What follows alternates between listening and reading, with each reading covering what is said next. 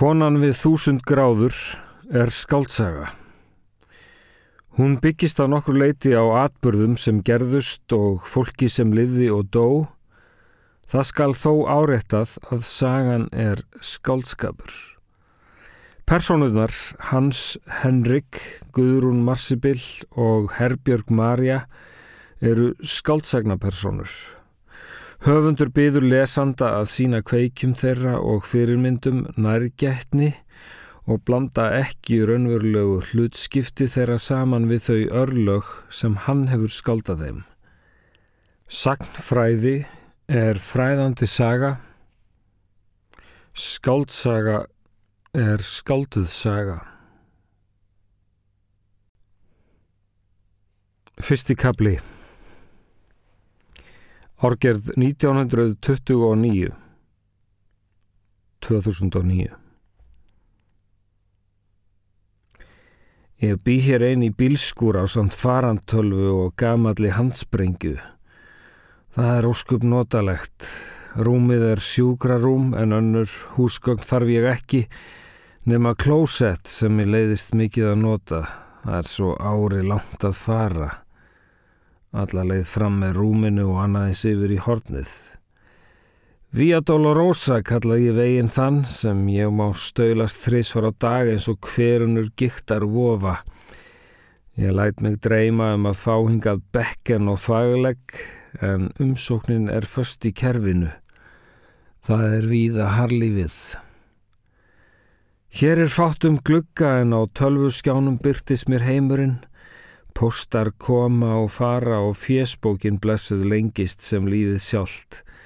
Jöklar bráðuna, forsetar dekkjast og fólkið grætur bíla og hús. En framtíðin býður við farangursbandið, skáeigð og skjálbrósandi. Já, já, ég fylgis með því öllu af kvítri sæng, hvar ég ligg eins og þarfalust lík og býð þess annarkort að deyja, eða hún byrtist með skamtinn sem framlengi lífið.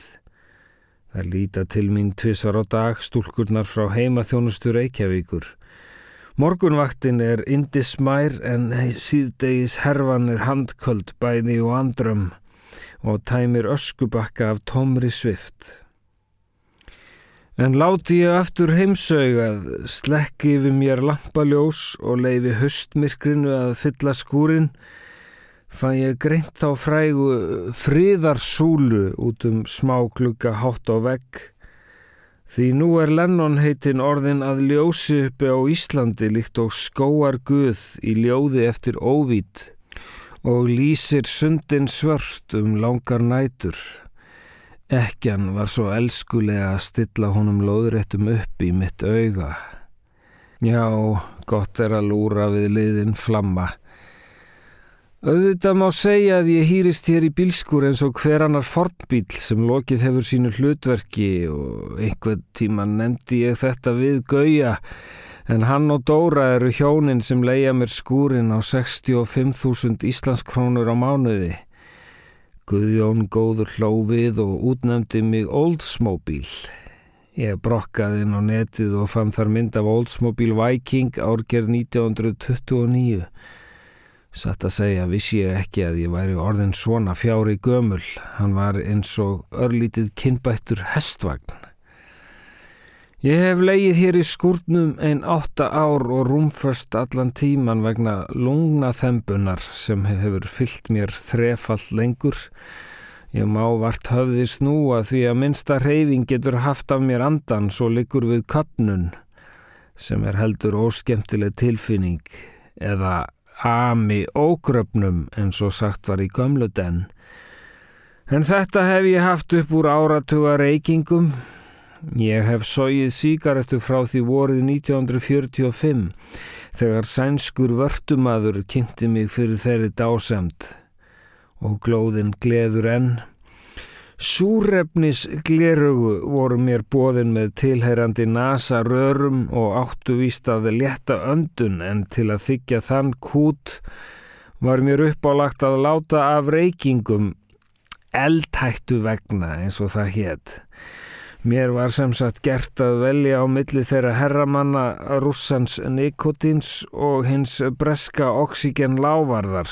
Það var auðvelt val. Fyrir vikið drey ég amdanlikt á lestarvagn og klósettferðir halda áfram að vera mín dægra kvöl. En lóu litlu reik ég þar glaða inn og nýtt þess að heyra frá henni meibunið. Hún er aðstóðin mín.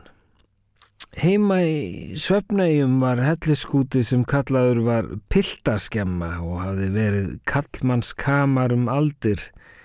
Leiðin þángað heitir Jarlakinn en það kallaðist það að flytja jarlinn að ganga örna sinna. Svona voru nú forfeðunir fyndnir. Æ, ég veður einu í annað og eitt og annað í mig þegar maður hefur lifað heilt internet af atbyrðum heilan skipsfarm af dögum er lítið leið að sortira úr og muna eitt frá öðru það rennur allt í einn tímans gröð annarkort mann ég allt í einu eða ekki nokkuð skapaðan hlut og já það er hundi víst hjá þeim þjóðkerfið blessuðum nú er árið síðan Hann makki minn fekk bankabrót í gardin hjá sér, þræleflis bjargi gegnum solpallin nýja og væna flís í framrúðu. En allt mun það víst huglægt vera.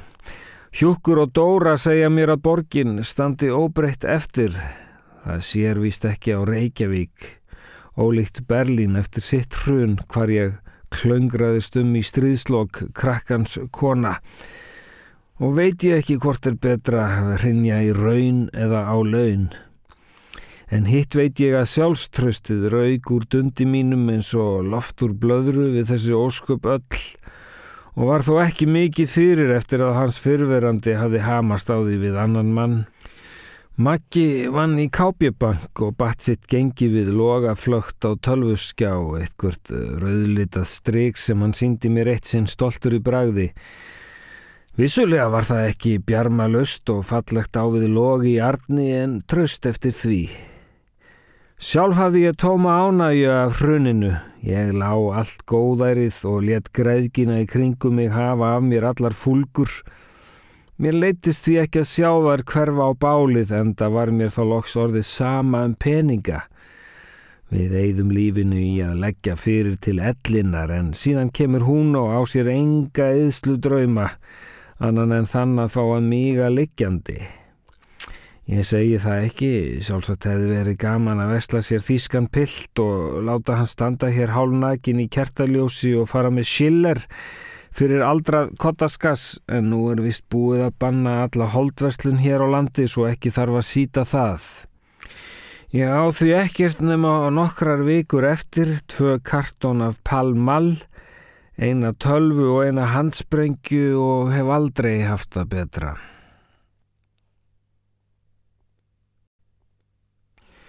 Annar kabli du Cologne 2009 Handsprengjan er gamalt Hitlers egg sem ég áskotnaðist í setna stríði og hefur fyllt mér yfir lífsins fljót og fyrði og hefði nú loks verið upplagt að nota hana hefði innsiklið ekki brotnað af fyrir mörgum árum síðan á vondum degi í mínu lífi. En það er sjálfsagt óþægilegu döðdægi að fá eldstorm í fangið og láta hann slíta af manni hausinn. Og svo þykir mér nú ósku væntum bombuna að blessa það eftir öll þessi ár. Það væri leiðilegt fyrir badnabötnin að fá ekki að njóta hennar í sylfur skála og ættar skeng. Mæn ekki lípti að handgranati er fögur í sínum flottskap, fer vel í hendi og svalar sveittum lofa með kaldri jártskurn innan full af friði.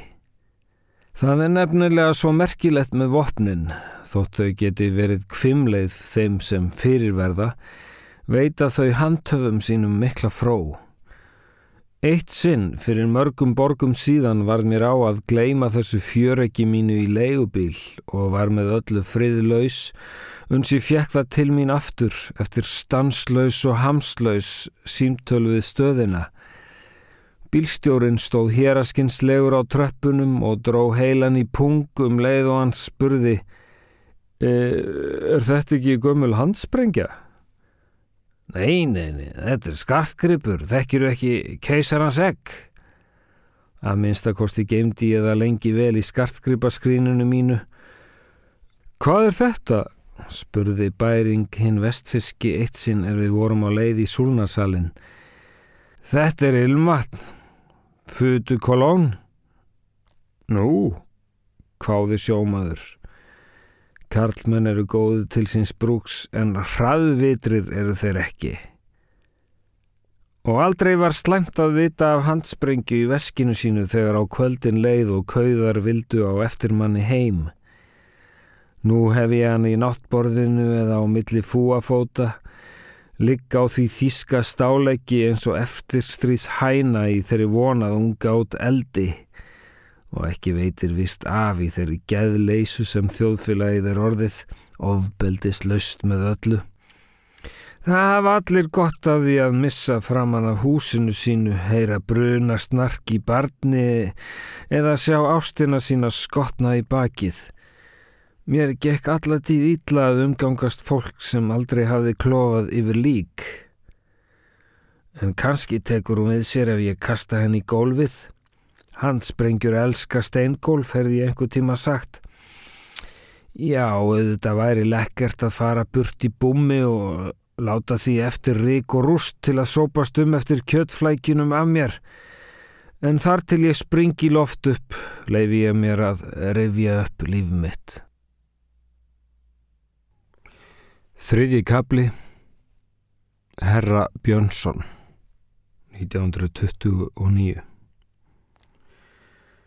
Ég fættist haustið 1929 í Ísfirskum Blikkjalli og var hengt á mig þetta sérkennilega nafn Herbjörg Maria sem fór mér ætið svo illa og sjálfu sér jafnframt. Hér blandaðist saman heiðnin og kristnin líkt og ólíja og vatn og slást þær systur í mér enn. Mamma vildi skýra mig í höfuðið á móður sinni verbjörgu en eh, amma mótti ekki heyra á það minnst. Æ, farðu nú ekki að fara með barnið út í sker. Að hennar sögn var verbúðar lífið bansans voslipnaður og bölvaði hún móður sinni fyrir að skýra sig í höfuð á þeirri skömm. Amma Verbjörg rýri 17 vertíðir í bjarnegjum og oddbjarnarskeri, vetur, vor og haust. Í öllum þeim hlandgótu veðrum sem þeir að fundið upp í sævítinu sínu og var þó jafnan verra í landi. Það var svo pappi sem stakk upp á því í brefi vestur á Ísafjörð að Verbjörg yrði Herbjörg og ekki hefur mamma hataðan meira en svo að hún hlíti. Sjálf hefði ég kosið nafn langömmu minnar í móðurætt hinnar miklu blómegar Efemíu Bergsveistóttur úr Bjarnægjum. Hún var eina konan með því nafni í sögu Íslands þar til á 20. öld að hún eignaðist loks nöfnur tværs þá búin að liggja í fjardarjörð í hálfa öld. Einn þeirra var veflistakonna og bjó lengstum í skurgarmi á helliseiði en hinn blómegin dó frá okkur ung en lifir þó enn á einsta bæ í augnbotnum og byrtist mér stundum á skikanum sem skilur að draum og veru. Þá hefur blómei lengi verið eftirlætis breyðaferðar eigin mín, þótt ekki hafi hún fundist enn. Í raun ættum við að fá að skýrast til döðans eins og lífsins og fá að velja okkur nafn til að bera í útför og um eilíð á krossi. Alveg sé ég það fyrir mér Blómei Hansdóttir 1929 til 2009. Í þá daga hétt heldur enginn tveimur nöfnum en móðir mín, alls gáfuð og indisleg, fjekk vitrun rétt fyrir fæðingu mína, Guðsmóðurinn byrtist henni í fjallaskál handan fjörðar, satt þar á klettakolli og var um það byrj 120 metrar á hæð. Því var nafni hennar bætt við mitt og varð sjálfsagt einhver blessun af, að minnstakosti hef ég lafað upp á þann lífsins tind sem rúmdóms ellin er. Marju nafnið mildar hörku herbjargar en þó efast ég um að ólíkari konur hafi deilt saman æfi. Önnur bjargaði her mannsum það sem hinn gaf sínum guði og engum öðrum. Dóttir fekk ég ekki að heita eins og þó er réttur allra íslenskra kvenna heldur varð ég són að vera. Föðurættin mín, ráðherruð og sendiherruð í bak og fyrir, hafði forframast erlendis, þar sem enginn skilur annað en ættarnöfn. Þannig festist gjörvöll ættin við höfuð eins manns, við urðum öll að bera föðurnafn Ava Sveins, sem á endanum varð fyrsti fósetti Íslands. Það var til þess að enginn náði að skapa sér eigið nafn og því urðu ekki fleiri ráðherrar eða forsetar í þeirri ætt. Afi náði á tindin og okkar hlutskipti barna hans og barnabarna var að trítla urðina niður. Það er erfitt að viðhalda metnaði þegar fólk er á sífældri niðurleið En sjálfsagt kemur að því að við náum niður á lálendið og leiðin liggi aftur upp á við fyrir okkur Björnssons fólkið. Heima í Svefnægjum var ég alltaf kolluð Hera, en þegar ég kom með foreldrum mínum í fyrsta sinn til föður fjölskyldunar í Kaupmannahöfn, sjö ára gömul, átti Jóska buskan Helle, erfitt með framburðin og kallaði mig ímist Hera eða Den lille Hera. Þetta fannst puta frænda, sveini föðubróðu mínum, alveg sérlega fyndið og kallaði mig aldrei annað en herru upp frá því. Á matmálstímum nautan þess að kallaði mig til borðs. Herra Björnsson, gjör svo vel. Mér sveið stríðininn í fyrstu því ég var drengsleg í útliti en nafnið festist og ég vandist því smám saman. Þannig gerðist það að ungfrúin varð herra. Hún var ekki lítil aðtiklinn sem ég fekk út á það í litla skemmtistaðnum við sundin blá er ég byrtist heima eftir langa utandvöl á sjötta áratögnum. Ung og strólandi dama með varalit og worldly ways eins og svo lítil Marilyn með átján herra til reyðar og þetta nafn sem var nánast eins og sviðsnafn. Með algesta var einnig fröken Herra Björnsson, sonardóttir fórseta Íslands sem vekur aðtegli hvar sem hún fer fyrir hispusleysi og heimsmannslegt yfirbræð. En Herra er nýkomin heim eftir langa dvöl í New York og Suður Ameríku. Þannig varð óláns nafn til nokkurs láns. Fjórði kabli Lóan 2009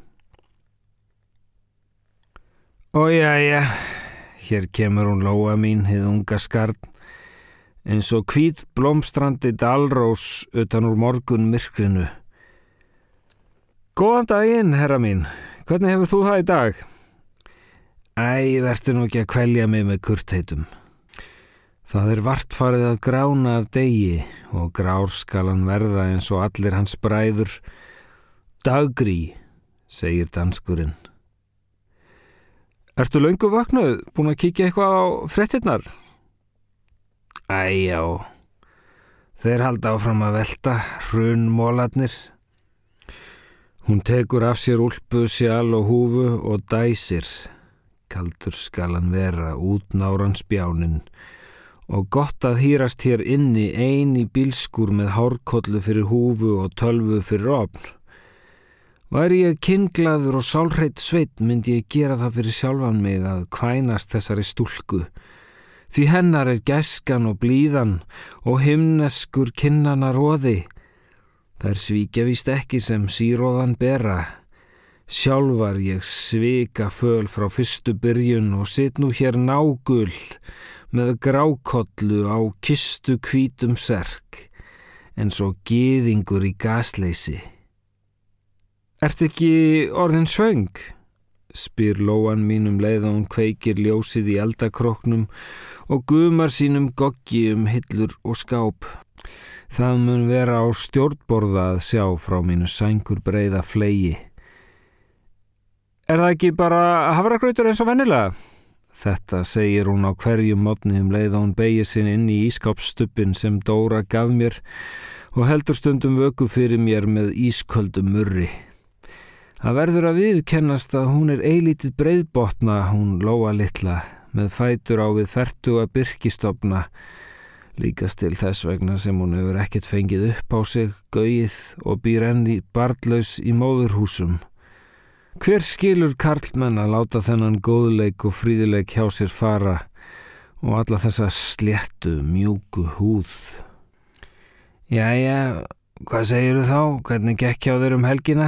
Fyrstu upp á þig? Segi ég upp úr tölvu krafsinu og kasta mæði. Fyrir lungnaþempu þegan er þetta heillöng setning. Ha?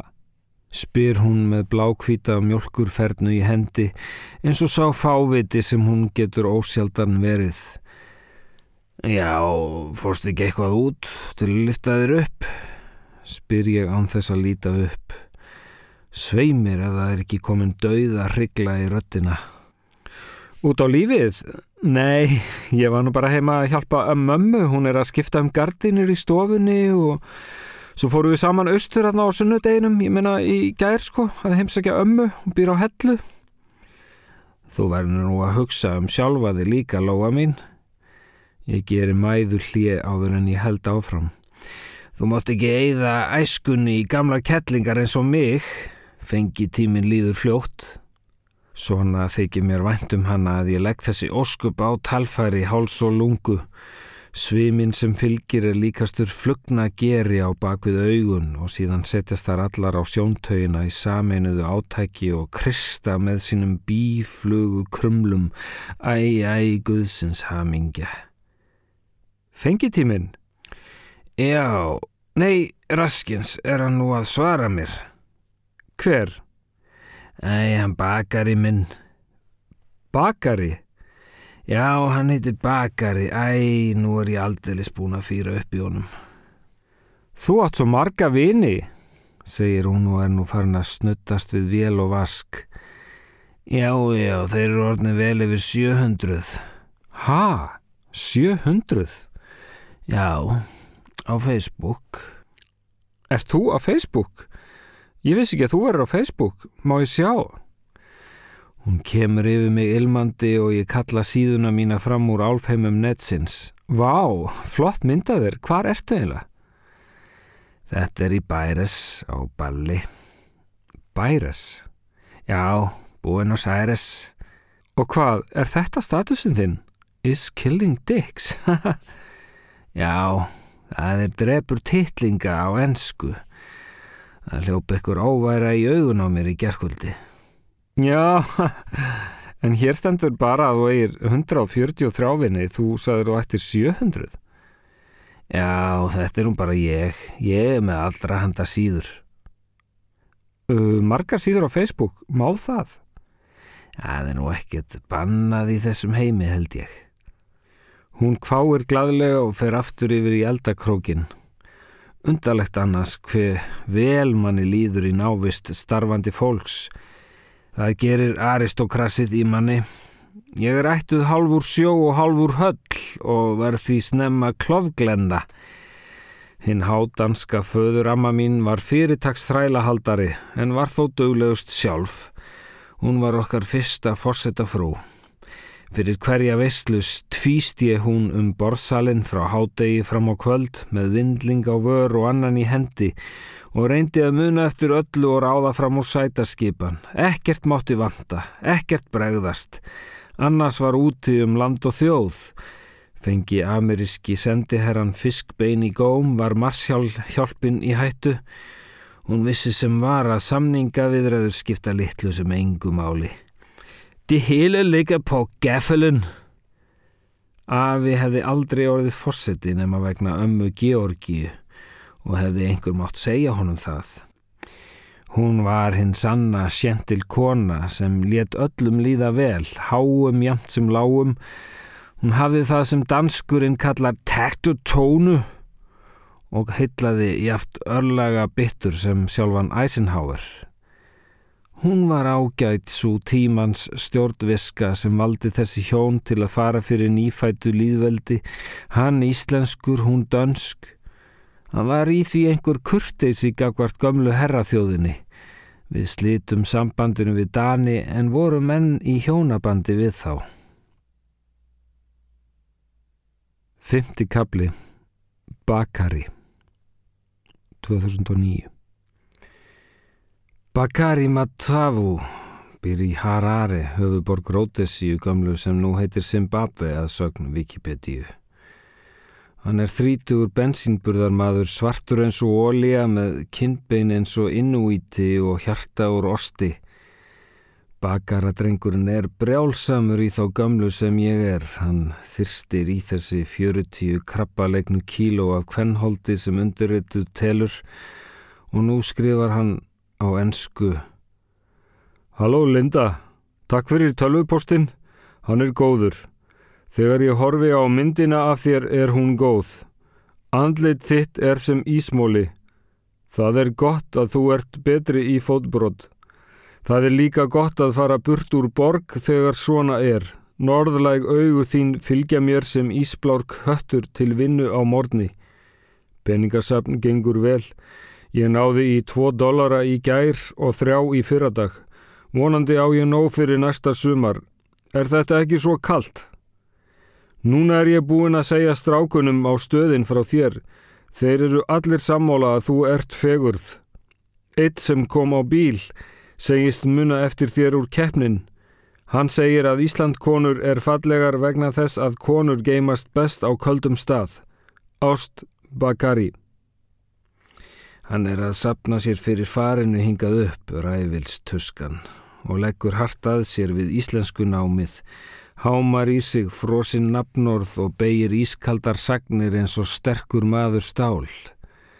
Linda krefst þeirra lámarks viðleitni af vonbyðlum sínum að þeir læri málið og reykur nú heilan brefaskóla sem tegir sig um allan heim, allt fyrir Ísland en Linda er sem sagt Pétursdóttir og varð ungfrú alheimur árið 1988.